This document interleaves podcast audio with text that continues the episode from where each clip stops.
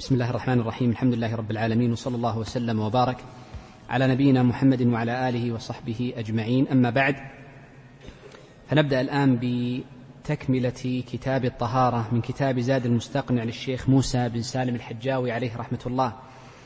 وكنا قد وصلنا إلى باب إزالة النجاسة. يقول الشيخ رحمه الله تعالى باب إزالة النجاسة. الفقهاء رحمهم الله تعالى يذكرون باب إزالة النجاسة بعد ذكر التطهير مع أن إزالة النجاسة على البدن شرط لصحة رفع الحدث كما سبق معنا فإنه قد سبق معنا أن من شرط صحة الوضوء أن يكون المرء قد استنجى أو استجمر وهذا نوع من أنواع إزالة النجاسة. وإنما أرجأ الحديث هنا مع حديثهم عن الاستنجاء والاستجمار قبل قبل لتمام الترتيب. إذ يتبع إزالة النجاسة الحيض فناسب الترتيب العقلي بينها بين التطهير الماء ثم إزالة النجاسة أنها تكون بالماء ثم يأتي الحيض وهو نوع من أنواع النجاسات. ونحن عندما نتكلم عن إزالة النجاسة بل الفقهاء عندما يتكلمون في باب إزالة النجاسة فإنما يتكلمون عن إزالة النجاسة في ثلاثة مواضع. وهذه المواضع الثلاثة هي التي يجب تطهيرها لأنها هي التي يتعلق بها حكم الصلاة. وما عدا هذه الأمور الثلاثة التي سأذكرها بعد قليل فإن تطهيرها من باب الاستحباب والكمال لكي لا يباشر المرء في أمره إلا طاهرا. هذه الأمور الثلاثة التي يلزم تطهيرها وجوبا أول هذه الأشياء الماء الذي يتوضأ منه المصلي في صلاته. وهذا الحديث عن تطهير الماء سبق ذكره قبل سبق ذكره قبل عندما تكلمنا عن أنواع المياه فلذا لا يتطرق له هنا. الأمر الثاني مما يجب تطهيره قالوا هو بدن المصلي وثوبه بدنه وثوبه. فيجب أن يكون بدن المصلي سالما من النجاسة وكذا ثوبه. ويذكر الفقهاء الحديث عن كيفية تطهير بدن المصلي وثوبه في هذا الموضع إلا شيئا واحدا وهو إذا كانت النجاسة على محل الخارج من السبيلين فإنهم قد أفردوا لها بابا باسم باب الاستنجاء أو الاستطابة أو إزالة الحدث ونحو ذلك. الأمر الثالث أو قبل أن ننتقل للأمر الثالث هذا الثوب لأذكر الضابط في الثوب هذا الثوب الذي يصلي به المرء قد يكون قميصا وقد يكون إزارا وقد يكون رداء وقد يكون نعلا وقد يكون عمامة أو غترة ونحو ذلك. ولذلك يقول هناك ضابط يشمل كل ما يسمى لباسا للمصلي يلزم تطهيره. قالوا وهو ما يتحرك بحركة المصلي. فكل ما يتحرك بحركة المصلي يجب تطهيره. فالمرء إذا سجد هوى معه غترته ونزل معه بشته فلذلك يتحرك بحركته فنقول يجب تطهيره. ولو كان مربوطا به قالوا ولو كان مربوطا به لكنه منفصل عنه. بعيد عنه قليلا لكنه يتحرك بحركته فإنه يأخذ حكم ذلك. كما لو أن امرأ قد ربط في رجله حبلا وفي منتهى هذا الحبل نجاسة فإنه إذا كان الشيء يسيرا أخذ حكمه وإلا كان بعيدا لا يتحرك بحركته بأن كان طويلا جدا فإنه ليس كذلك. إذا ما يتحرك بحركة المرء يعتبر من ثوبه أو لباسه الذي يلزم تطهيره. الأمر الثالث الذي يجب تطهيره قالوا البقعة التي يصلي عليها. ولذلك الله عز وجل قال وثيابك فطهر. هذا دليل تطهير الثياب. والبقعة التي يجب تطهيرها فلا شك فيه لأن الله الرسول صلى الله عليه وسلم قال وجعلت لي الأرض مسجدا وطهورا. فكل مسجد أمر يكون طاهرا فإنه يجوز الصلاة فيه. حد البقعة التي يلزم تطهيرها. قالوا هي آخر ما يصله القدم حال القيام وهو عقب الرجل. إذا كان المرء قائما فعقب رجله هذا مبتدأ البقعة ومنتهاها إلى موضع سجوده إذا سجد. هذه هي البقعة التي يلزم تطهيرها. وما بينها كذلك ولو لم تباشره أعضاء المصلي كالموضع الذي يكون بين الوجه وبين الركبتين هذا لا يباشر أعضاء المصلي لكن يجب تطهيرها. هذه البقعة التي يلزم تطهيرها وما زاد عن ذلك فلا يلزم وإنما يستحب. فلو أن امرأ صلى وفي قبلته معنى زائد عن موضع الحد الذي ذكرناه وما بينهما فإنه يكون خارج المحل الذي يجب تطهيره فصلاته صحيحة. شخص صلى وفي قبلته على الجدار نجاسة بل بينه وبين جبهته بأصابع قليلة نجاسة فنقول كذلك. وكذا لو كانت عن يمينه وعن شماله. ما لم تكن مباشرة لموضع السجود تعرف موضع أقصى ما يكون ذات اليمين وذات الشمال هما الكفان والرجلان. فما بين اليدين وما بين الرجلين حد ما يلزم تطهيره عرضا. إذا هذا حد اليدين. عرضا طولا من الجبهة سجودا إلى القدمين حال القيام. منتهى القدمين هو العقب. وعرضا مما يباشره بيديه بيديه أو برجليه يباشره. فقد يضم نفسه فتكون النجاسة بعيدة عنه وقد يبعد يديه وتكون أقرب ونحو ذلك. طيب إذا هذا ما يتعلق بالأمر الأول وهو ما يلزم تطهيره وذكرنا أنها ثلاثة أشياء. الأمر الثاني فيما يتعلق بباب إزالة النجاسة أن الفقهاء عندما يذكرون باب إزالة النجاسة فإنهم يذكرون حكم مسألتين لا مسألة واحدة. المسألة الأولى أنهم يذكرون أنواع النجاسات أنواع النجاسات. والأمر الثاني أنهم يذكرون كيف تطهر النجاسات. أما ذكرهم لأنواع النجاسات فمن الفقهاء من شراح المقنع والجامعين بين من يفرد بابا كاملا لأنواع النجاسات. يقول النجاسات هي كذا كذا كذا كذا. صاحب الزاد لم يفرد أنواع النجاسات وإنما تؤخذ منه فهما. ولذلك سنشير للنجاسات ثم في نهاية الباب إن شاء الله إن لم أنسى سوف نستذكر معا أنواع النجاسات التي ذكرها الشيخ لأنه يذكرها من باب الفهم. يعني يشير لها من باب المفهوم ونحو ذلك. إذا هذه هي المسألة الثانية. طيب. يقول الشيخ رحمه الله تعالى باب إزالة النجاسة. المراد بالنجاسة هنا النجاسة الحكمية لا النجاسة العينية. إذ النجاسات نوعان كما نعرف جميعا. نجاسة عينية بأن يكون عين الشيء نجسا فالدم والعذرة والبول وغير ذلك من الأمور التي سيأتي ذكرها نجسة نجاسة عينية. وما كان نجسا نجاسة عينية فإنه لا يتطهر مطلقا يبقى نجسا. حتى لو حرق فالمذهب أنه لو حرق النجس العين نجاسة عينية فالنار الخارجة منه تعتبر نجسة. الدخان الذي يخرج منه يعتبر نجسا ونحو ذلك. طيب. النوع الثاني قلنا النجاسة الحكمية هي المرادة. ما المراد بالنجاسة الحكمية؟ هي الطارئة التي تطرأ على الثوب. فالعذرة نجسة نجاسة عينية والثوب إذا أصابه البول أو العذرة أو الدم نسمي الثوب نجسا لكن نجاسة ليست عينية وإنما حكمية لأنك تستطيع إزالتها فهي طارئة. خلق الثوب أصلا طاهرا والماء طاهرا ونحو ذلك وإنما طرأت عليه النجاسة فسميناها نجاسة حكمية. إذن مفهوم هذه الجملة ما هو؟ أن النجاسة العينية لا تطهر مطلقا مطلقا. طيب.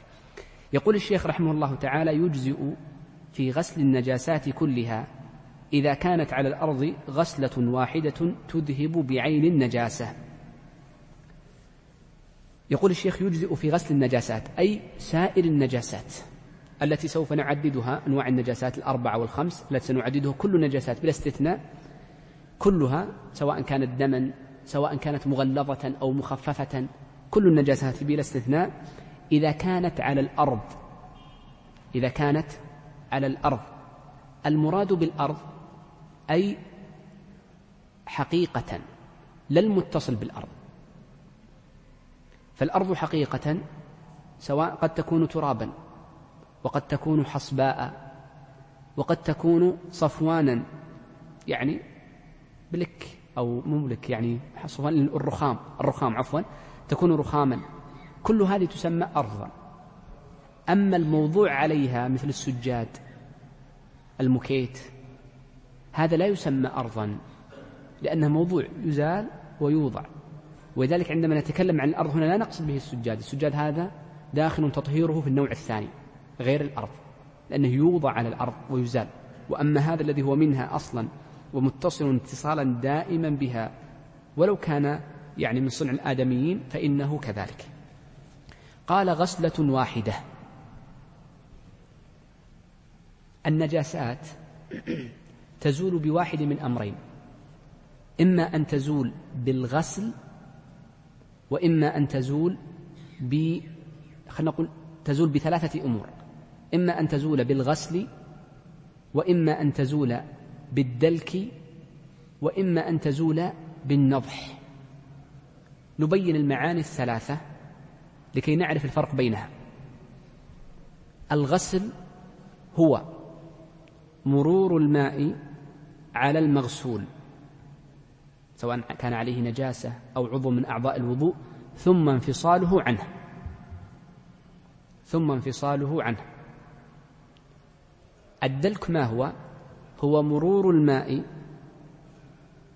عن المغسول أو على المغسول كاملا وانفصاله عنه مع إمرار اليد أو العكس يعني بأي وسيلة من وسائل الحك والتنظيف.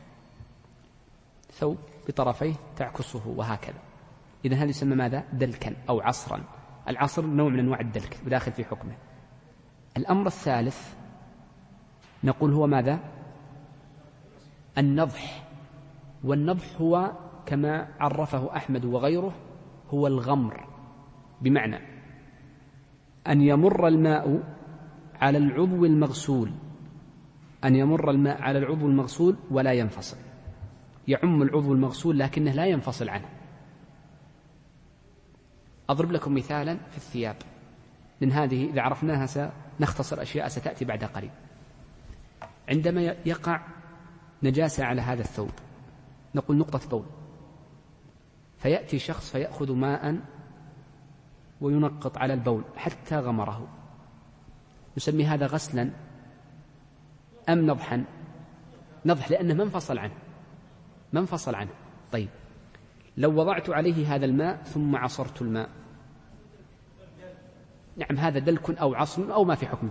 لو وضعت الماء وانفصل الماء فقط من غير بس كذا. جعلت الماء هذا غسل. بالضبط. إذا عرفنا هذه الأشياء الثلاثة. لأن بعض الناس لما يسمع كلام الفقهاء أن النضح هو الرش يظن هو التنقيط. لا المراد غمر المكان بالماء ولو لم يزل الماء عنه كما سيأتي معنا بعد قليل. إذا الأصل في النجاسات أنه لا تزول الأصل إلا بالغسل.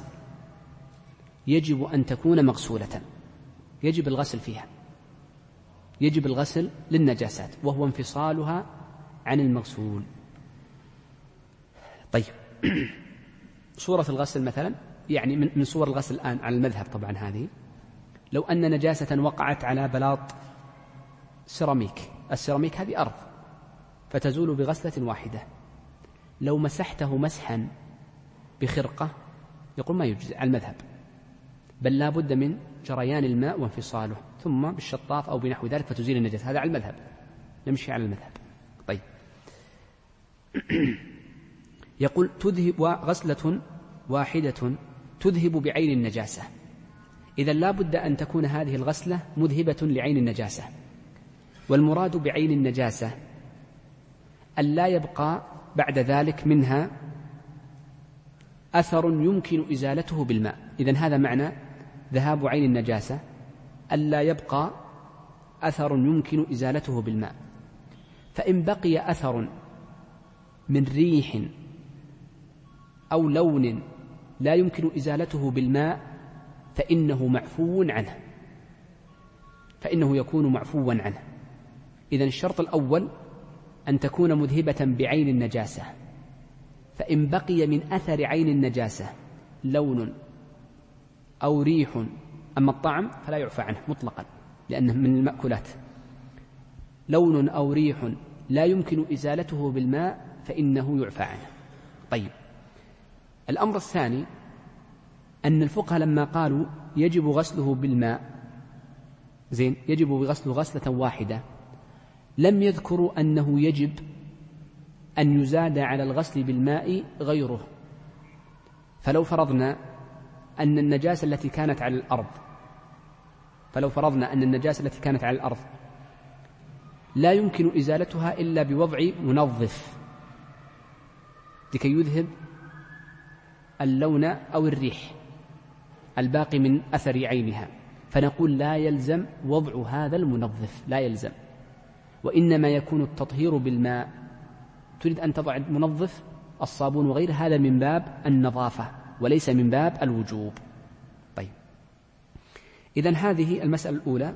الدليل على أنه يجزئ في غسل النجاسات التي تكون على الأرض غسلة واحدة تذهب بعين النجاسة ما ثبت في الصحيحين من حديث أنس رضي الله عنه أن أعرابيا جاء لمسجد النبي صلى الله عليه وآله وسلم فبال في ناحية منه.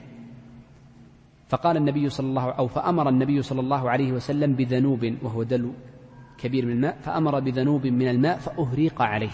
هذه غسلة واحدة. جاء الماء على النجاسة وانفصل زاد عن المحل. فانفصاله هو زيادته عن المحل. زيادته عن المحل. نعم. يقول الشيخ وعلى غيره سبع. هذه المسألة الثانية. وهذه المسألة من مفردات المذهب لم يوافق عليها عند جماهير أهل العلم. وقال بها ليس كل فقهاء المذهب وإنما بعضهم. ولكن اعتمدها المتأخرون فإنهم يقولون إن النجاسة إذا كانت على غير الأرض على غير الأرض وعلى غير أيضا الماء لأن الماء تكلمنا عنه وعلى غير مخرج البول. والغائط لأن فيه استنجاء واستجمار. في غير هذه الأمور الثلاثة التي سبق الحديث عنها لا بد من غسل النجاسة سبع مرات. ولذلك تسمعون بعض الناس يقولون نسبع الثوب. يعني نسبعه لابد أن يغسل هذا بناء على أن مذهب الحنابلة. لابد أن يغسل سبع مرات.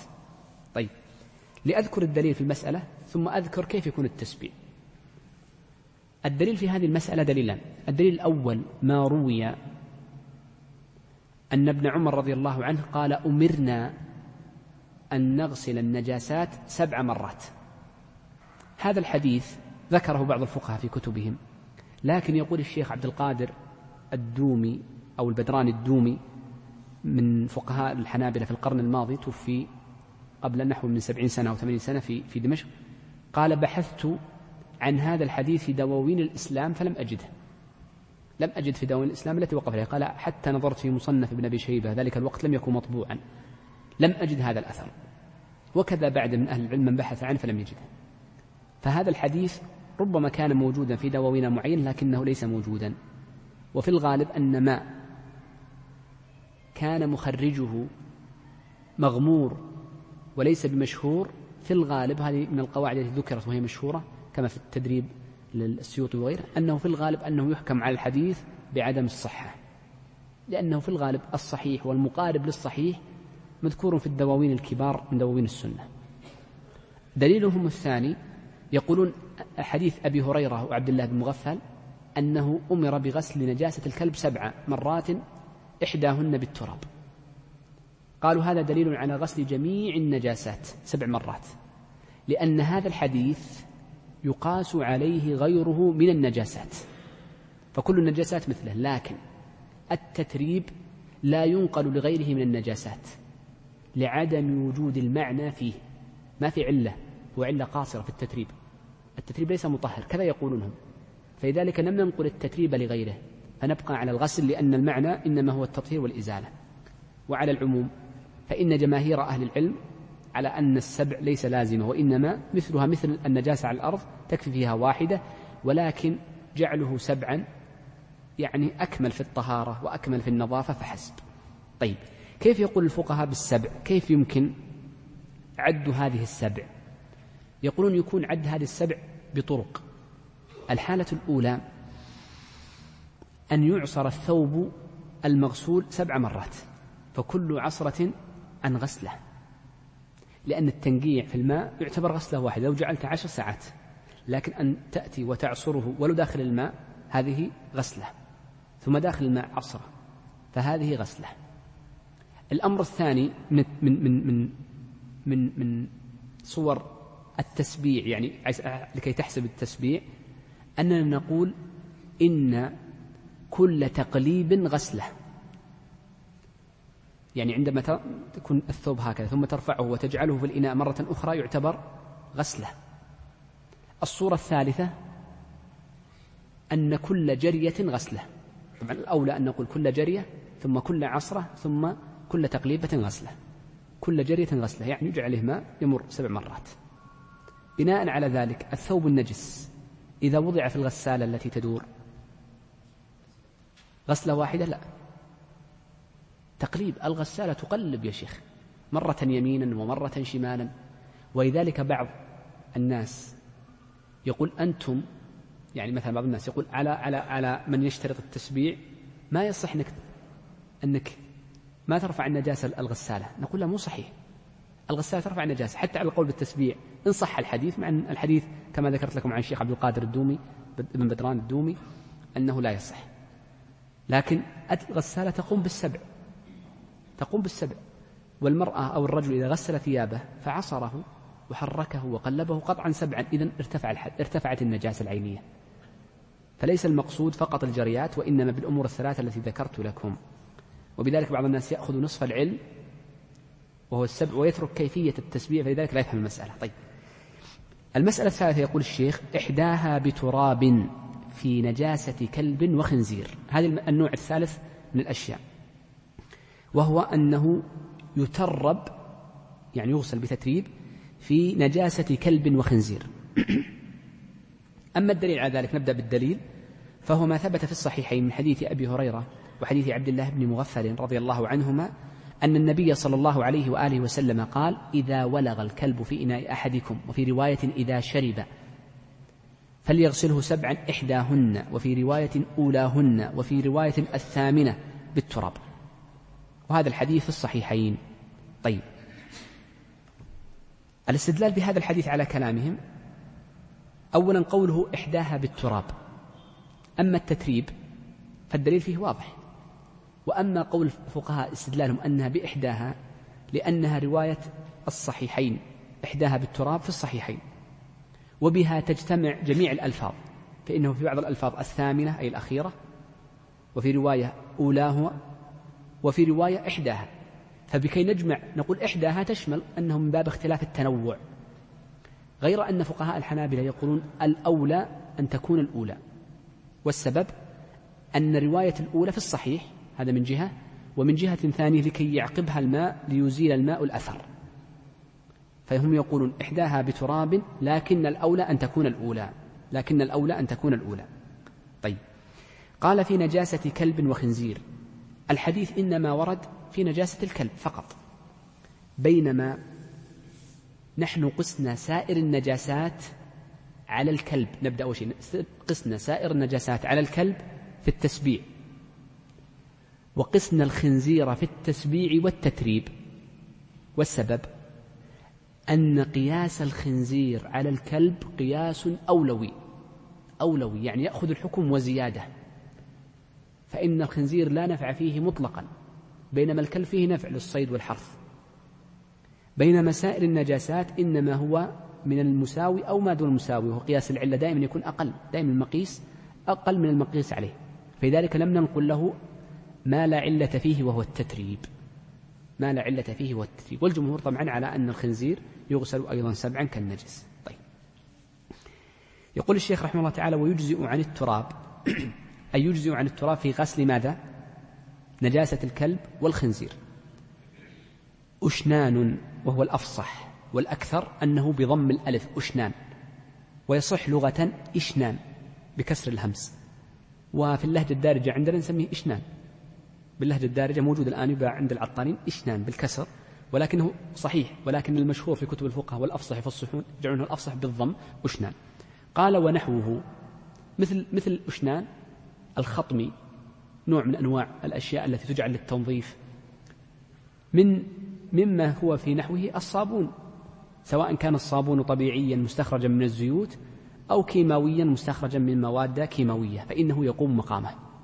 وعلى ذلك فإذا ولغ الكلب في إناء فإن هذه النجاسة تغسل سبعا إحداها والأولى أن تكون الأولى بتراب أو بصابون أو بسائر المطهرات الأخرى من غير تسمية لبعضها. عشان ما تقولون تاخذ أنت النوع الغالي ولا الرخيص. زين؟ طيب إذا عرفنا هنا السبع كيف تكون. إذا وضعت خلينا ناخذ هنا مسألة خارج عن لكن نعرف كيفية وضع التتريب. التتريب وحده ليس بمجزئ إلا أن يخالطه ماء إلا أن يخالطه ماء التتريب مع السبع. لا بد أن يخالطه ماء كيف يكون مخالطة الماء؟ إذا وضع لا بد ألا ينفصل إلا ومعه ماء ولذلك سماه النبي صلى الله عليه وسلم الثامنة أي أن السابعة يكون فيها تراب أو أنه يجعل عليه الماء ثم يزال فلا يوضع التراب بعد الغسل بعد الغسل. ولا يوضع التراب آه، إلا ومعه ماء مختلط لكي يزيل هذه النجاسة يدل عليه إحداها أي إحدى السبع مشارك للتراب. يقول الشيخ نعم. وفي نجاسة غيرهما سبع بلا تراب. أي إن النجاسة في نجاسة غير الكلب والخنزير يجزئ فيها سبع غسلات بلا تراب وبلا صابون وبلا أي شيء من المطهرات. وبناء على ذلك لو أن امرأ وقع على ثوبه نجاسة ثم غسله سبع مرات مع العكس والدلك لكي يزول ما يزول من أثر النجاسة. فذهب عين النجاسة إذا كان لها جرم. وبقي من, عين من, من, من, من النجاسة أثرها كرائحة موجودة لأنه بي بي بي إنما غسل بماء فقط فلم يغلب الريح الصابون. أو بقي بعض الأثر كالدم. الدم وخاصة إذا طال لا بد أن يبقى أثره في الثوب الأبيض. فنقول إن هذه النجاسة أو الأثر ليست النجاسة أثر النجاسة معفو عنه معفو عنه. طيب. يقول الشيخ رحمه الله تعالى ولا يطهر متنجس بشمس.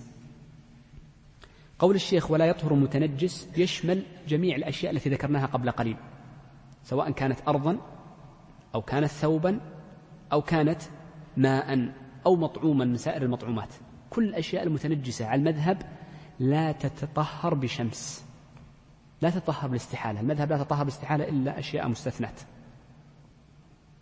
فلو أن نجاسة وقعت على بول ثم جعلته على الشمس فذهب جميع أوصافها اللون والرائحة نقول يجب غسله مع ذلك لأنه لا يتنجس هذا المذهب. ما دليلهم في ذلك؟ حتى الأرض قالوا لأن النبي صلى الله عليه وسلم في حديث أنس السابق أمر بصب الذنوب. ولو كان يطهر بغير الذنوب كالشمس والريح والحرق لبينه فدل ذلك على الحصر. طبعا هذه بناية على مسألة هل الفعل هل الفعل له مفهوم حصر أم لا؟ هذه مسألة أصولية والخلاف فيها قوي ومشهور. طيب. قال ولا ريح أي أن الريح لو مرت على أرض نجسة بقعة صغيرة وفيها نجاسة فمرت عليها فأزالت الرائحة الموجودة في البول. وأثر البول وأنت تعرف أن البول في هذه البقعة الصغيرة. فنقول إنه لا بد من غمرها أيضا بالماء. والحقيقة أن هذا القول أقل أحواله أنه من باب الاستحباب وإن كان الفقهاء يرون من باب الوجوب. لما يطرأ لما لما يزيل عن النفس مما يطرأ عليها من الوسواس. فإن المرء إذا صلى في بقعة يعلم أنه كان فيها نجاسة ربما وقع في نفسه من الوسواس شيء من ذلك. فلذلك هم يلزمون بالغسل. طيب. قال ولا دلك. أي لا يطهر المتنجس بالدلك دون الماء. بالدلك دون الماء. مثل أن يكون النجاسة فتزيلها بإظفرك فلا ترى لها أثرا بعد ذلك. نقول لا لا بد من الغسل أيضا للموضع. هذا المذهب. قال ولا استحالة غير الخمرة. أي أن تستحيل وحدها من غير شمس ولا ريح ولا استحالة فقط جعلتها في مكان فتغيرت. غير الخمرة وهي الخمر. الخمر تسمى خمرة. الخمر إذا استحالت وحدها طهرت وحل شربها. كيف تستحيل؟ الخمر هذه يقولون إنها إذا وضعت في مكان مشمس يقولون أو فتح الإناء عليها. فترة فتصاعدت المادة الكحولية التي فيها فإنها تنقلب إلى خل. بعض أنواع الخمر. تنقلب إلى خل. فترجع خلا كما كانت قبل. فهذه يسمونها تخليل الخمر. تخليل الخمر. إذا كان تخليل الخمر وحده من غير فعل من الآدمي مثل ماذا؟ رجل آه، مثلا قبض على الهيئة قبضت على شخص مثلا. وعنده خمر. هنا وضع يدهم عليه مشروع. لما أرادوا أن يسكبوه وجدوا أنها انقلبت من كونها خمر إلى كونها خل. نقول هنا يجوز بيع هذه الخمر. إذا تباع على أنها خل. طبعا ليست الخمر الصناعية التي تستخرج من بعض المواد وإنما أنواع معينة يعرفها أهل الاختصاص ولا أعرفها أنا. مثال آخر. لو وجدنا بيد ذمي خمرا. لو وجدنا بيد ذمي خمرا. فيده عليها حلال. لو انقلبت إلى خل جاز بيعها. انقلبت إلى خل أصبحت خلا جاز بيعها. طيب. لو ذكروا طبعا المسلمون عندما يكون هناك حرب فيغنم المسلمون الخل الخمر. نحن قلنا في الهيئة عندما يقبضون على شخص عنده خمر فانقلبت إلى خل. طيب. قال فإن خللت. طبعا الحديث نعم يقول فإن خللت أو تنجس دهن مائع لم يطهر. إذا خللت الخمر بفعل الآدمي لم تطهر. لما ثبت من حديث أنس أن النبي صلى الله عليه وآله وسلم سئل عن الخمر تخلل. أيحل الانتفاع بها؟ قال لا. وهذا نص من النبي صلى الله عليه وسلم أنه لا يجوز تخليل الخمر مطلقا.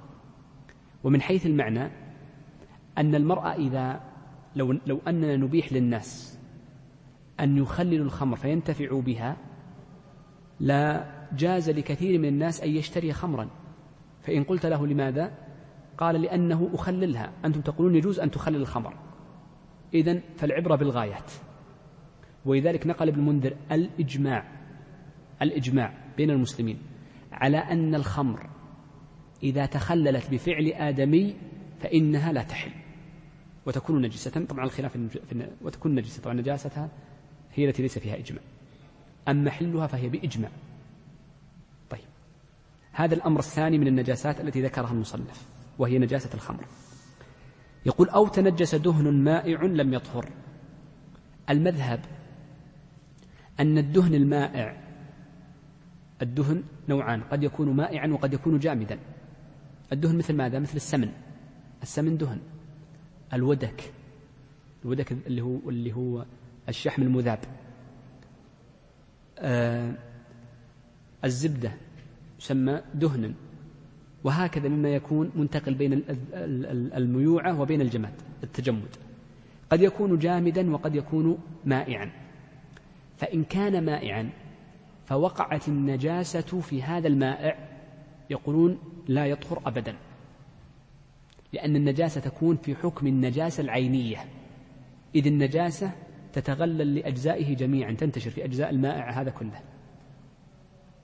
فلو أن النجاسة وقعت في زيت في سمن في نحو ذلك لا يطهر.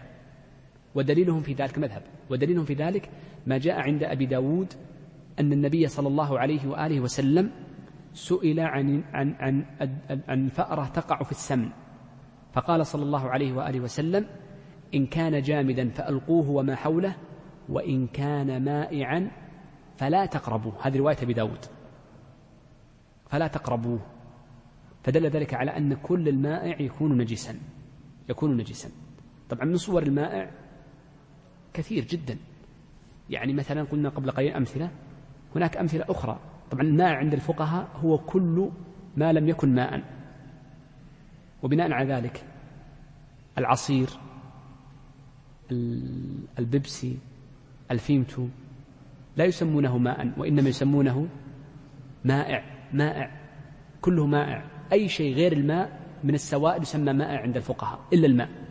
لماذا فرقوا بينهما؟ قالوا لأن الماء له خاص, خاص يعني آه خاصية فيه فإنه يقبل التطهير بالمكاثرة وبالنزع وبغيرها من الأشياء التي ذكرناها في باب المياه. إذا فرقنا بين المائعات.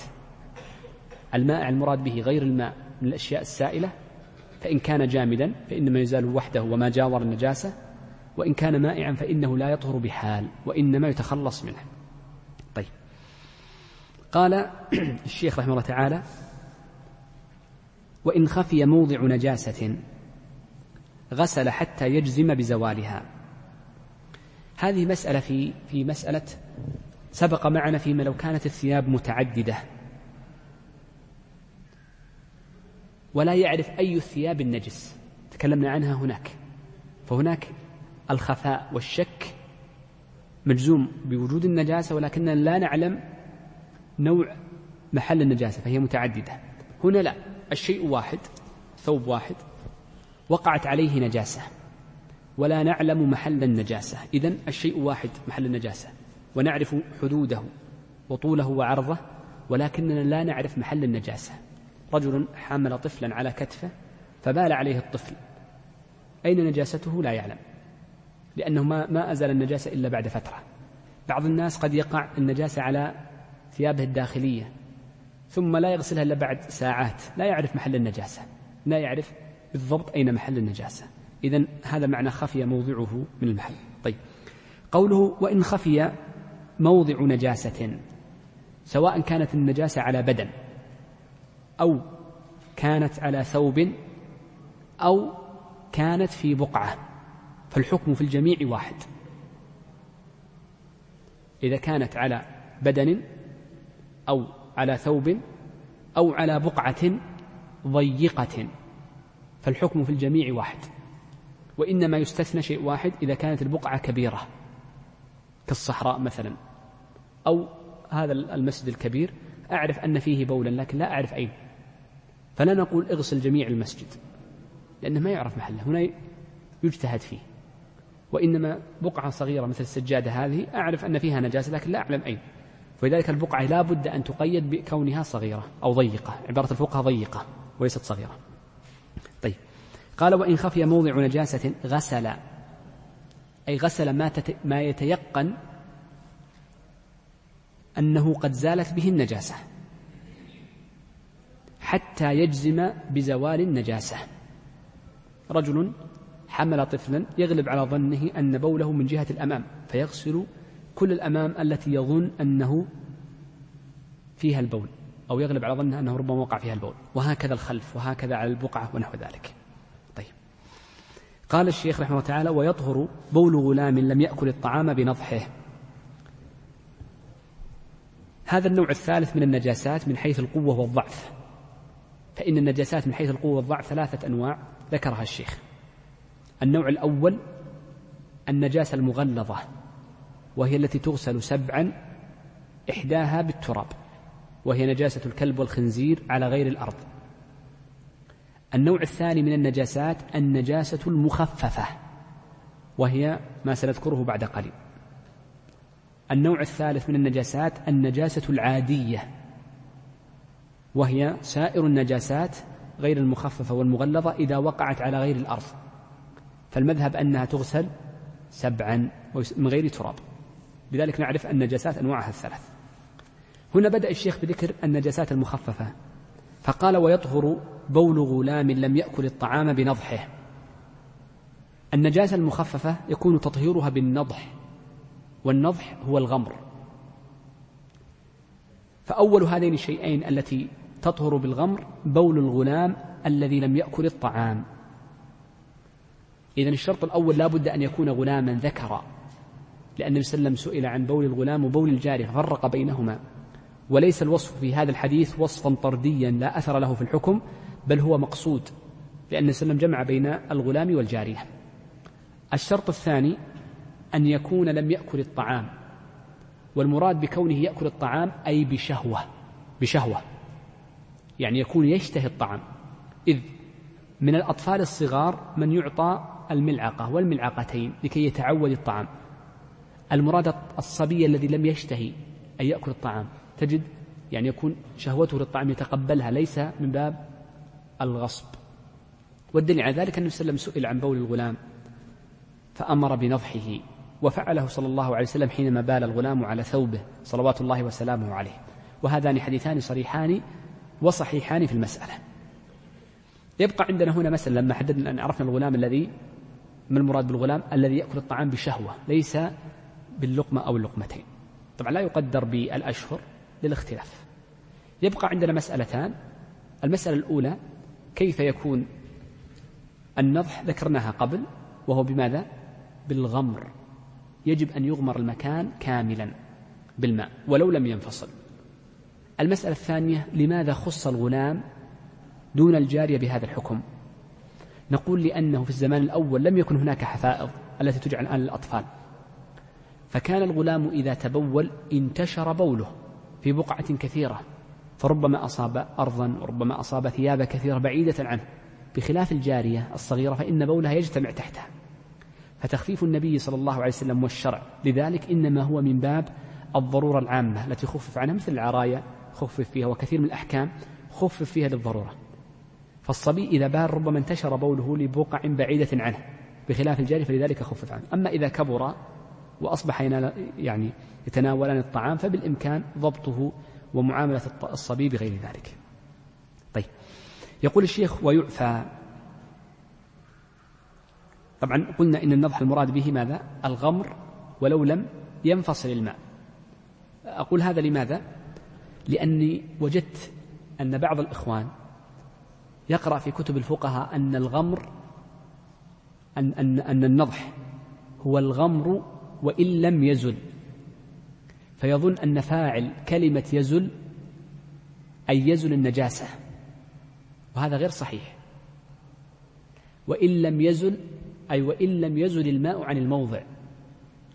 وأما إن بقي جرم النجاسة مرئيا وفي الغالب بل ما يرى جرم النجاسة لأنه في بول أو في مذي. لكن إن وجد جرم النجاسة فيجب زيادة الغمر. إن تصور ذلك. ولكنه ليس في الغالب لا يوجد له جرم. فمقصود الفقهاء وإن لم يزل ليس إزالة النجاسة وإن لم يزل الماء الذي غمر به. فقط من باب الفائدة وإن كان خارج الدرس هناك أمر ثاني من النجاسات المخففة وهو نضح الفرج بعد المذي. لحديث علي رضي الله عنه كنت رجلا مذاء. سبق معنا الحديث عنه. فإن النجاسة المذي وحده إذا وقعت على الثياب فإنها تنضح فقط ما يلزم الغسل ما يلزم الغسل. والسبب أن المذي قد يخرج من الشخص بكثرة بخلاف البول. يستطيع أن يتحرز من البول ولا يستطيع أن يتحرز من المذي. فلو قلنا بالغسل لفيه مشقة على الرجل فلذلك يكتفى بالنضح يكتفى بالنضح للمذي. أما البول فيجب غسل الثوب الذي يصيبه. نعم. يقول الشيخ رحمه الله تعالى ويعفى. بدأ الشيخ في ذكر المعفو عنه. ومفهوم قوله ويعفى في غير مطعوم إلى آخر كلامه أنه لا يعفى عن قليل النجاسات مطلقا إلا ما استثني. إلا ما استثني. وهذا هو المذهب. المذهب أنه أصل أنه لا يعفى عن يسير النجاسات. فلو وجد يسير من بول أو يسير من غائط أو يسير من نجاسة غير مأكول اللحم فإنه يجب غسله ولو كان نقطة واحدة ولو كان نقطة واحدة بل أقل يجب غسله. لكن الذي يعفى عنه هذه الأشياء التي سنذكرها بعد قليل. قال يعفى في غير مائع. ما المراد بغير المائع؟ غير غير غير هذه الأشياء لأن المائع غير الماء غير الماء طبعا غير الماء وغير الجامد. فإذا وقعت النجاسة في غير في الماء أو في الجامد فإنه يعفى عنه الذي سنذكره. وأما المائع فهو غير ماذا؟ غير الماء من السوائل العصير الشاهي الزيوت أي شيء فيمتو تانج أي شيء تريده كله يسمى مائعا ما لم يكن ماء طيب. نعم. ويعفى في غير المائع أي يعفى عن الماء والجامد وغير المطعوم يسير الدم الذي يقع فيه. سنذكرها جملة جملة لكن نبدأ الآن فيها عن يسير الدم. يعني لو وقعت نقطة دم في ماء ولم تغيره وكان كثيرا يعفى عنه. طيب وكان كثيرا. لو وقع نقط شيء دم يسير على ثوبك وأنت تصلي أو على بدنك.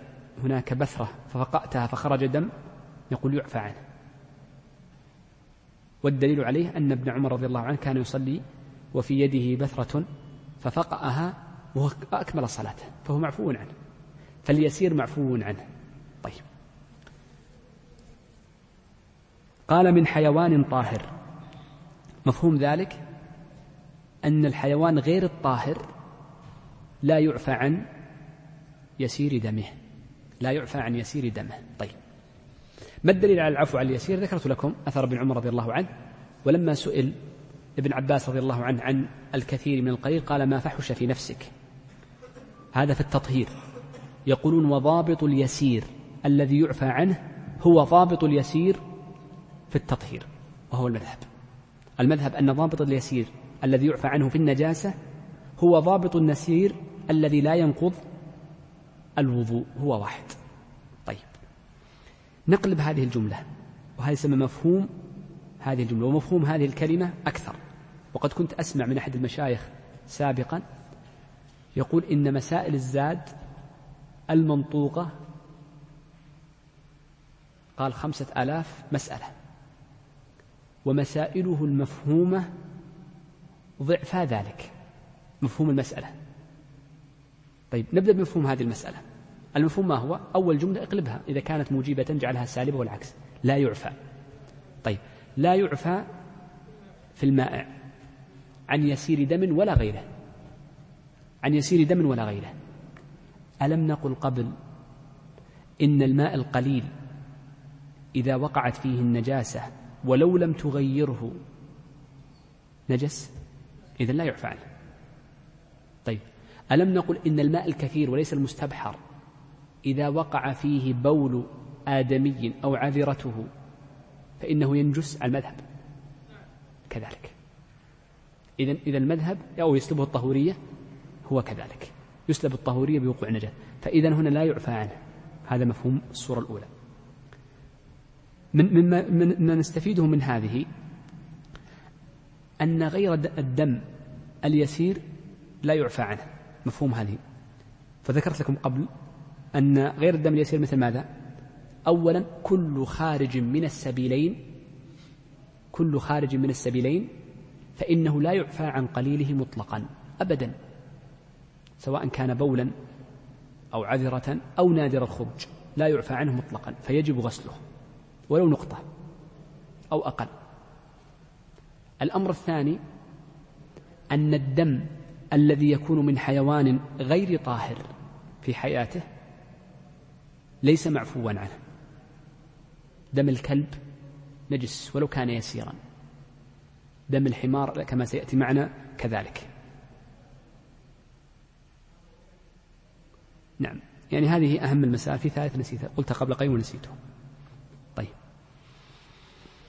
آه يقول الشيخ ويعفى أيضا عن أثر استجمار. أثر الاستجمار واضح أن الشخص عندما يستجمر بحجارة ونحوها فإنه قطعا سيبقى من أثر النجاسة شيء. ولذلك نحن قلنا أن الاستجمار هو إزالة حكم الخارج من السبيلين. طيب وهي تكلمنا عنها. آه، بس هنا عندي تعليق يسير أن الفقهاء رحمهم الله تعالى زادوا أنواعا أخرى من النجاسات يعفى عنها. هنا المصنف ما ذكر إلا شيئا واحدا وهو ماذا؟ الدم اليسير من الحيوان الطاهر. الفقهاء ذكروا نجاسات أخرى على المذهب طبعا. نجاسات يعفى عن يسيرها إضافة للدم زيادة على ما ذكر المصنف. من ذلك أنه قالوا إن النجاسة التي تكون بسبب سلس البول واستحاضة المرأة يعفى عن يسيرها. فالذي فيه سلس بول أو مرأة مستحاضة إذا وقع غسل وبقي شيء يسير أو كان التنقيط يسيرا فإن اليسير من سلس البول يعفى عنه لمشقة التحرز منه. وأما الكثير فإنه نجس. إذا هذا المذهب مستثنى وهو اليسير من سلس البول وما في حكمه. الأمر الثاني قالوا إن النجاسة إذا كانت أسفل الخف إذا كانت يسيرة يعفى عنها. إذ الخف والنعل إذا وطئ النجاسة سيبقى بعض النجاسة في طيات الخف وطيات الحذاء. هذه لا يلزم غسلها وإنما تغسل الظاهر منه وما بقي في طيات الخف والحذاء معفو عنه معفو عنه. قال وما على ذلك فإنه لا يعفى عنه. طيب. يقول الشيخ ولا ينجس ولا ينجس الآدمي بالموت لأن النبي صلى الله عليه وسلم قال المؤمن لا ينجس. ولا ما له نفس سائلة. متولد من طاهر. هنا المصنف خلنا نأتي بكلمة ثم نرد اعتراضا عليه. يقول ما لا نفس له سائلة. المراد بما لا نفس له سائلة هو ما إذا ذبحته لا لم ترى دما. لم ترى له دم. والآن يمكن أن نجعله بالتعبير الحديث بأنها الحيوانات التي ليست لها دورة دموية. ويسمونها ذوات الدم البارد. أخذناها في الإحياء. مادة الأحياء قديما ذوات الدم البارد. ليس لها دورة دموية كاملة. مثل ماذا؟ ما لا نفس له سائلة. مثل جميع الذباب. الذباب البعوض. جميع الذباب الذي يطير يسمى ذبابا. كله لا نفس له سائلة. أغلب الحشرات لا نفس لها سائلة. مثل الدود. مثل الحشرات الصغيرة. كل هذه لا نفس لها سائلة. أغلب الحشرات. العقرب ولو كانت كبيرة لا نفس لها سائلة. من ذبح العقرب عرف أنه لا يخرج له دم وإنما يخرج له مادة صفراء منها. فكل هذه الأمور لا نفس لها سائلة. هذه الأشياء دمها ومرورها على جسد الآدمي ليس منجسا له. فلو أنك ضربت وأنت تصلي ذبابة أو بعوضة أو دودة فإنها تكون طاهرة. ولو كان أو مشت عليك وأنت تصلي لا يلزمك إزالتها أو عقربا قتلته في يدك أو في نعلك أثرها معفو عنه لأنه لا نفس له سائلة. الدليل على طهارتها أن النبي صلى الله عليه وسلم سئل عن الذباب يقع في إناء المرء فقال فليغمسه. شوف فليغمسه. إذا هو ليس نجسا. الذباب كل الذباب ليس المراد بالذباب في الحديث هذا الذباب الذي نعرفه فقط. وإنما سائر الذباب غير أن الفقهاء اشترطوا شرطا وهو أنه لا بد, لا بد أن يكون غير متولد من نجس. فإن كان متولدا من نجس صار نجسا.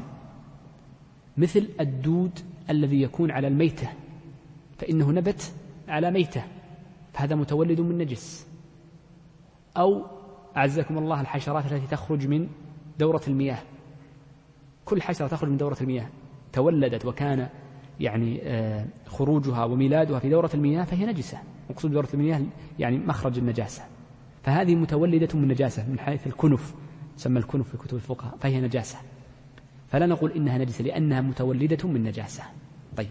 الشيخ يقول ولا ما لا نفس له سائلة عرفنا معناها متولد من طاهر غيره من الفقهاء يعبر بغير بأنه لم يتولد من نجس ولعل تعبير غير المصنف أدق.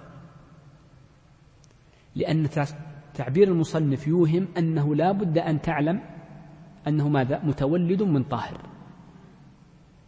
فنقول إنه طاهر ما لم تعلم أنه متولد من نجس. نصور ما لا نفس له سائلة.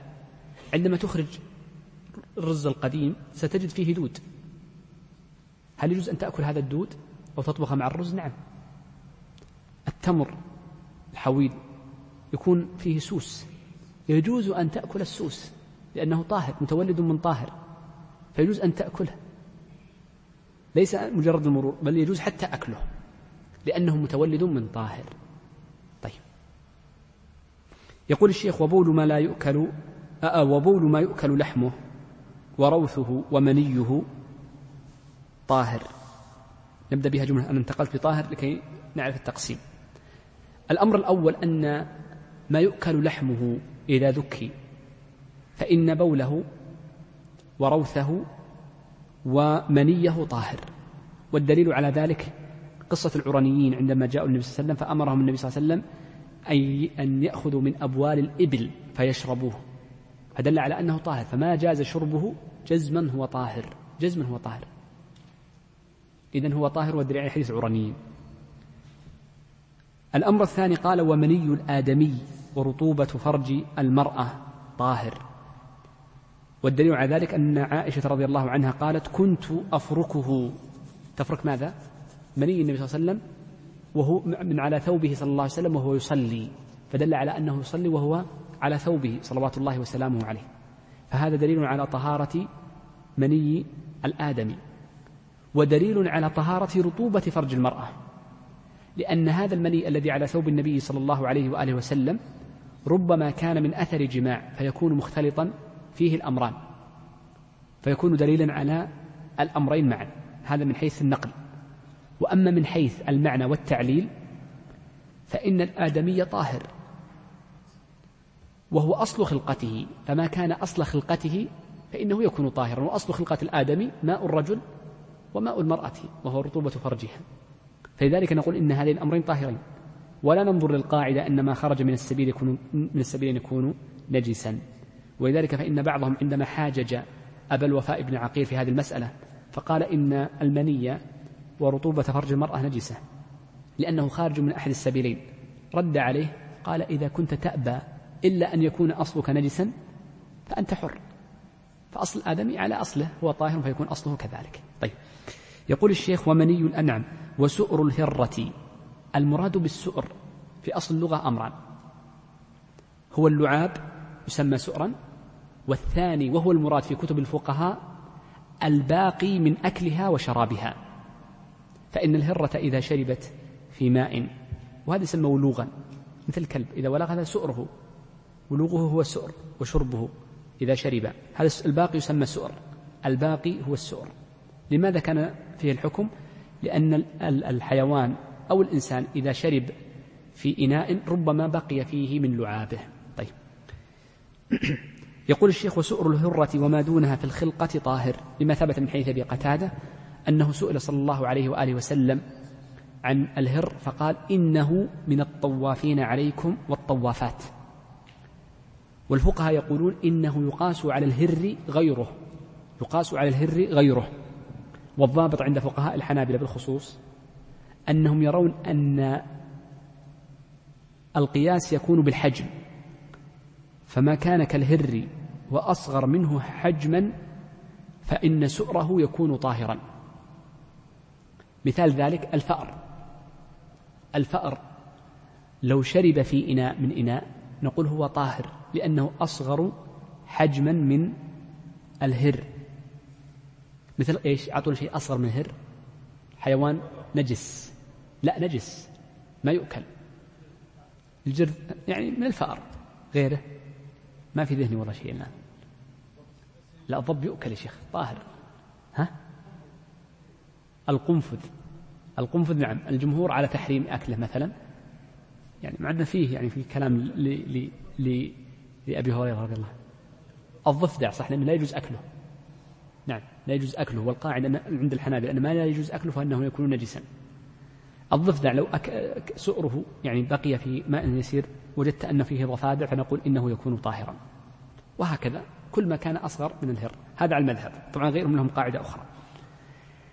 قال يكون طاهر. العلة في ذلك الحديث ذكرناه والعلة لأنه صعوبة التحرز منه. آه، يقول الشيخ وسباع البهائم والطير والحمر أو الحمار الأهلي والبغل منه نجس. سباع البهائم المراد بها ما يكون سبعا يفترس. إما بناب بناب أو بمخلب. فهذا يسمى ولذلك ما كان من السباع فإنه يحرم أكله وما كان يحرم أكله فإنه يكون نجسا. وكذلك الطير. قال والحمار الأهلي. الحمر نوعان. حمر أهلية وحمر وحشية. الأهلية هي التي يربيها الناس في بيوتهم ونعرفها باسم الحمار. والحمر الوحشية هي التي تكون في البر والفلاء. وهي نوع من أنواع الغزلان. نوع من أنواع الغزلان. وليس هذا المخطط. وليس هذا المخطط. فإن هذا المخطط له اسم آخر المعاصرون سموه بالحمار الوحشي. وإلا فإن العرب لم يعرفوا هذا المخطط. المخطط هذا لا يأتي إلا في أفريقيا. ولا يعرف في جزيرة العرب. فالحمر الوحشية التي تكلم عنها أهل العلم وردت في الحديث هي نوع من الغزلان يجوز أكلها وهي طاهر لا شك. وأما هذه الحمر الوحشية الموجودة هنا هذه لها حكم آخر. والظاهر أنه يجوز أكلها. يجوز أكلها. لكن ليست هي المقصودة في كتب الفقهاء قال والبغل منه. أي والبغل من الحمار. لأن البغل من؟ أبوه. أبوه. حمار. وأمه فرس. زين؟ وأما الأتان فعكس. وأما الأتان فعكس. الأتان والبغل حكمه واحد. طبعا البغل والأتان لا يتكاثران. لا يتكاثران. هكذا هجين الكروموسومات عندها أحادية فلا تتكاثر. طيب. فكل هذه نجسة لأن البغل متولد من نجس. فكلها نجسة. فكلها نجسة. لأن وسلم أمر بإهراق لما كانوا في يوم خيبر وطبخ الناس لحوم الحمر الأهلية أمر النبي صلى الله عليه وسلم بإهراقها وغسل القدور منها وغسل القدور منها فدل على نجاستها وهذا نص صريح والحمار الأهلي وما تولد منه من البغال مثله. طيب قبل أن نبدأ بخمس دقائق في هذه ذكر المصنف هنا أنواع النجاسات من باب المفهوم وليس من باب المنطوق. فأول نوع من النجاسات التي ذكرها المصنف هو الخمر. فالخمر نجسة. أين عرفناها؟ في قوله ولا يطهر متنجس باستحالة غير الخمر فمفهومها أن الخمر نجسة. فالمذهب بل قول جماهير أهل العلم مذاهب الأربعة أن الخمر نجسة نجسة. إلا إذا استحالت بغير فعل الآدم فإنها تطهر. هذا الأمر الأول. الأمر الثاني من النجاسات ماذا؟ الدم. وهنا ذكرها الشيخ في غير موضع. الدم. قال ويعفى في غير مائع ومطعوم عن يسير دم. مفهومه أن الدم نجس. الدم نجس. وهذا ذكرت لكم الإجماع منعقد عليه. حكاه الإمام أحمد وحكاه ابن المنذر وغيره من أهل العلم حكوا الإجماع على نجاسة الدم. غير أنه قد ورد النص بالعفو عن يسيره. هنا يستثنى عن يسيره يعفى عنه. يعفى عن يسير النجس. وضابط اليسير هنا كما ذكرت لكم كضابط النسير الذي ينقض به وهو أنه ما فحش في نفس المرء. هذا النوع الثاني من النجاسات ذكرها المصنف. النوع الثالث من النجاسات بول وعذرة غير مأكول اللحم. بول وعذرة غير مأكول اللحم. فكل ما لم يكن مأكول اللحم فإن بوله وعذرته نجسة. وأما مأكول اللحم فإنه يكون طاهر. ولا يعفى عن قليله ولا كثيره. طبعا غير مأكول اللحم الآدمي غير مأكول اللحم. الجميع الحيوانات غير مأكولة اللحم تكون كذلك. غير أنه خفف في شيء واحد. ترى هذا كلام مصنف ما أتيت بشيء جديد. خفف في شيء واحد وهو ماذا؟ غلام الصبي الذي لم يأكل الطعام خفف ليس في نجاسته في تطهير نجاسته. خفف في تطهير نجاسته بالنضح. طيب. يلحق بالبول ماذا؟ كل ما كان خارج من السبيلين كالودي والمذي وغيره وخفف أيضا المذي للرجل فإنه يكفي فيه النضح.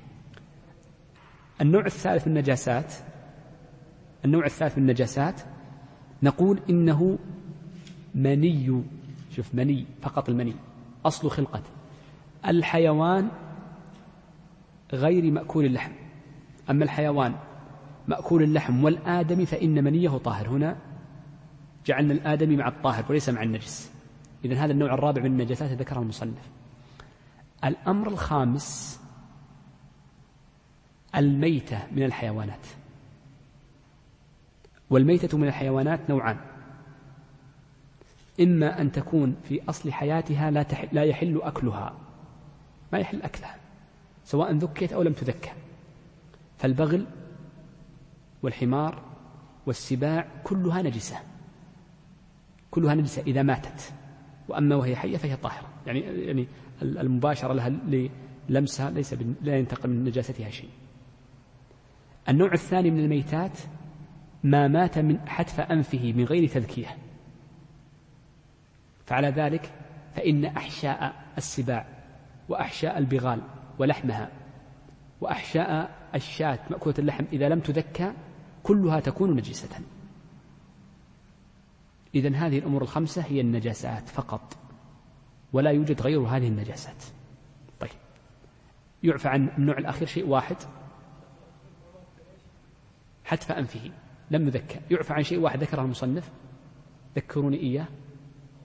سم لا أي وش الدم؟ مو بالدم. ما لا نفس له سائلة. النوع الوحيد من غير مأكول من غير المأكول الذي يعفى عن نجاسته ما لا نفس له سائلة. إيه مثل العقرب وما ذكرت. نعم أحسن. طيب في دقيقتين فقط وأنهي الدرس. سآخذ مقدمة في باب الحيض لأن الأحكام الدقيقة ما يتعلق بالمبتدأة وما بعدها سنذكرها إن شاء الله في الدرس القادم. بدأ الشيخ رحمه الله تعالى بباب الحيض وهو آخر أبواب الطهارة ثم ننتقل بعدها إن شاء الله عز وجل للصلاة. وجعل الأخير لأنه تعلقا بالصلاة من حيث أنه إذا وجد الحيض في المرأة فإنه لا يحل لها ولا تجب عليها الصلاة. يقول الشيخ باب الحيض. الحيض هو دم جبلة يخرج من النساء جبلة وطبيعة. الله عز وجل فرضه جعله الله عز وجل في نساء بني آدم. ولذلك النبي صلى الله عليه وسلم يقول إن هذا أمر قد كتبه الله عز وجل على نساء بني آدم لما حاضت عائشة ونفست رضي الله عنها.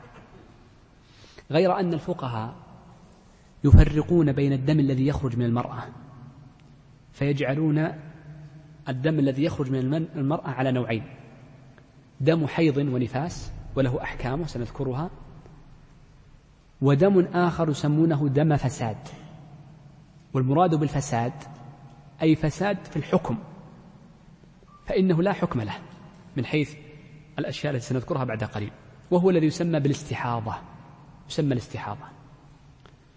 والمشكلة أن باب الحيض في الحقيقة من أصعب أبواب العبادات والسبب فيه اختلاف الناس فيه أو اختلاف النساء طبعا فيه اختلافا بينا فقلما تجد امرأتين تتفقان على شيء واحد قلما بل ربما ترى الأختين يختلف حكمهما وحالهما من حال لحال.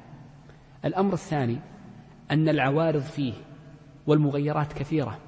فالمرأة إذا تغيرت نفسيتها أو تناولت نوعا معينا من الطعام أو بذلت جهدا ونحو ذلك كحج وعمرة تغيرت عادتها وتغير تمييزها أيضا. ولذلك يكون فيه الاضطراب. وبناء على ذلك يقول أهل العلم إن الدم الذي يخرج من المرأة إما أن تجزم بأنه حيض فهو حيض بإجماع أهل العلم وإما أن تجزم بأنه ليس بحيض طبعا تجزم على القواعد الشرعية فهو كذلك وإما أن يكون مشكوكا فيه هي تشك فيه وهذا كثير جدا في حال النساء فالمشكوك فيه يبنى على غلبة الظن تذكر قواعد تجعل المرء يعني يطبق ويعرف هل هو من الحيض أم ليس من الحيض. طيب. نذكر الأحكام التي ذكرها الشيخ على سبيل الإجمال. يقول الشيخ لا حيض قبل تسع سنين. يعني أن كل دم يخرج من المرأة قبل أن تبلغ تسع سنين فإننا لا نحكم بأنه دم حيض وإنما نحكم بأنه دم استحاضة. دم استحاضة مطلقا. ولو ظهرت على المذهب ولو ظهرت علامات البلوغ عندهم أن ما قبل التسع لا حيض فيه. ويستدلون المذهب بما جاء عن عائشة رضي الله عنها ورواه الترمذي تعليقا أنها قالت إذا بلغت الجارية تسعا أي تسع سنين فهي امرأة. وروي ذلك مرفوعا من حديث ابن عمر ولا يصح وإنما هو موقوف من قول عائشة رضي الله عنها. يقولون ولا بعد خمسين. بمعنى أن أقصى سن تحيض له المرأة خمسين سنة. لما جاء عن عائشة روي عن عائشة أنها قالت إذا بلغت المرأة خمسين فلا حيض عليها. فإذا بلغت المرأة خمسين سنة فكل دم يخرج بعد ذلك نحكم بأنه دم استحاضة لا دم حيض. والدليل قول عائشة في الثنتين. هنا مسألتان. المسألة الأولى على المذهب طبعا أن تقدير التسع وتقدير الخمسين إنما هو بالسنين أو نعم بالأعوام القمرية لا بالهجرية. عفوا بالقمرية لا بالميلادية لا بالشمسية. فتقدر السنوات هنا بالتقدير بالأعوام القمرية لا بالأعوام الشمسية. هذا الأمر الأول. الأمر الثاني أننا نقول إن هذا التقدير أن هذا التقدير بالسبع والتسع مفيد في حالات كثيرة. نعم أو قبل هذه قضية الإفادة الذي أردت أن أنه على المذهب نعم المسألة الثانية أنه على المذهب أنه لا فرق بين النساء. لأن من الفقهاء من يفرق بين العربية والأعجمية. فيرى أن العربية حد إياسها إلى الخمسين والأعجمية إلى الستين. والصحيح أنه على المذهب أنه لا فرق بين الأعجمية والعربية. فكلهن إلى الخمسين. لا فرق. لا يفرقون بين نوع من النساء وغيره طبعا ذكرنا دليل الفقهاء حديث ابن عباس قول عائشة رضي الله عنها والوجود.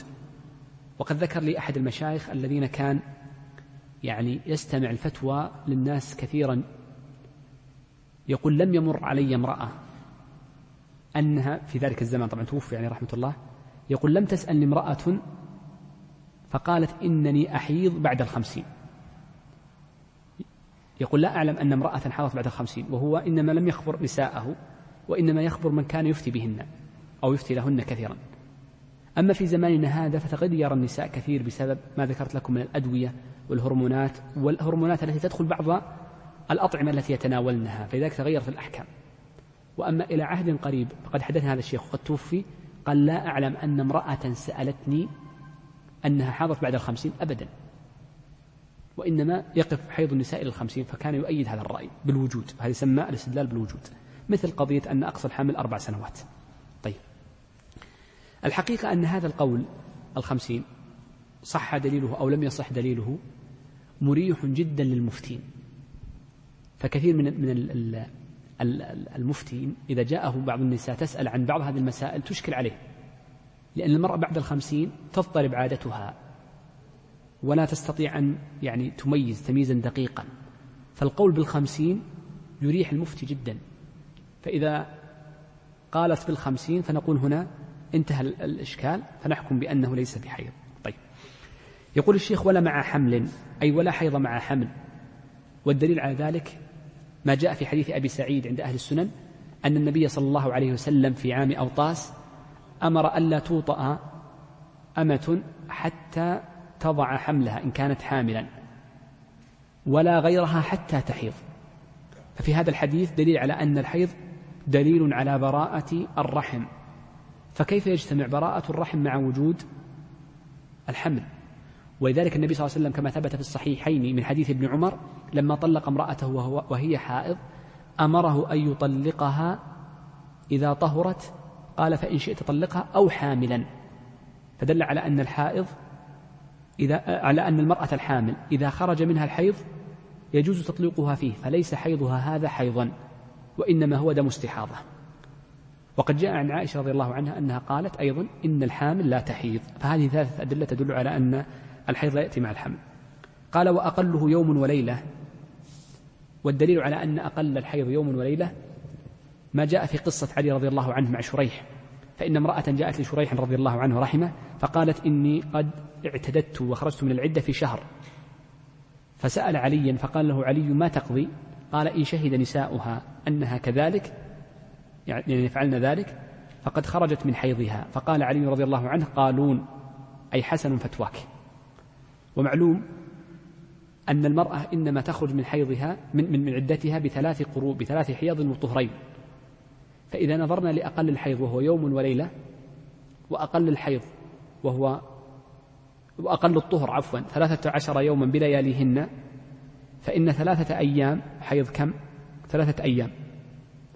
وطهران ستة وعشرون يوما يكون المجموع تسعة وعشرين يوم وهو تمام الشهر. ولذلك يقولون إن قضاء علي رضي الله عنه قضى بأن أقل ما يكون حيضا يوما وليلة. وبناء على ذلك فالمذهب أن المرأة إذا رأت الحيض أقل من يوم ساعتين أو ثلاث ثم انقطع فإنها تمتنع من الصلاة يوما وليلة كاملة يوم وليلة كاملة ثم بعد ذلك تغتسل. فإن من النساء من لا ترى الحيضة إلا يعني سويعات قليلة. فالمذهب أنها لابد أن تمكث يوما وليلة. طيب. قال وأكثره خمسة عشر أي خمسة عشر يوما وليلة. والدليل على ذلك ما روي من حديث ابن عمر أن النبي صلى الله عليه وسلم لما سئل عن سبب يعني رد شهادة النساء وعدم قبول شهادة امرأة وإنما قبول شهادة امرأتين وأنهن ناقصات عقل ودين قال تمكث شطر دهرها. لا تصلي. شطر الدهر أي نصف الوقت وهو نصف الشهر. وهذا الحديث يقول عنه السخاوي لا أصل له. لكن ذكر الشيخ تقي الدين في شرح العمدة أنه رواه ابن أبي حاتم في السنن وهذا الكتاب مفقود. طيب. وأصرح من ذلك ما جاء عن عطاء وأقوى ما جاء عن عطاء رضي الله عنه أنه قال رأيت من تحيض خمسة عشر يوما. وذلك النساء في ذلك الوقت كان حيضهن طبيعي ليس يعني بهذه الأمور التي عرضت عليهن من أدوية غيره. قال وغالبه ستة أو سبعة أي ستة أيام بلياليهن أو سبعة لحديث آه، حمنة رضي الله عنها أنها حاضت فقال لها كانت تستحاض فقال لها النبي صلى الله عليه وسلم امكثي ستة, ستة أو سبعة. قال وأقل طهر بين الحيضتين ثلاثة عشر لما ثبت من قضاء علي رضي الله عنه السابق. قال ولا حد لأكثره أي ولا حد لأكثر الطهر فإن من النساء من لا تحيض إلا مرة في السنة وإن من النساء من لا تحيض في العمر إلا مرة واحدة فلا حد لأكثر الطهر. فكل هذا نسميه طهر يجوز فيه الوطء ويصح فيه الطلاق ونحو ذلك من الأمور. التي سيأتي الحديث عنها إن شاء الله في الدرس القادم. آه هذا الدرس يعني وقفنا على مقدمة في باب الحيض. نكون بذلك قد أنهينا درس اليوم بمشيئة الله عز وجل. أسأل الله عز وجل الجميع التوفيق والسداد وصلى الله وسلم على نبينا محمد. أنا قبل بس أستأذنكم.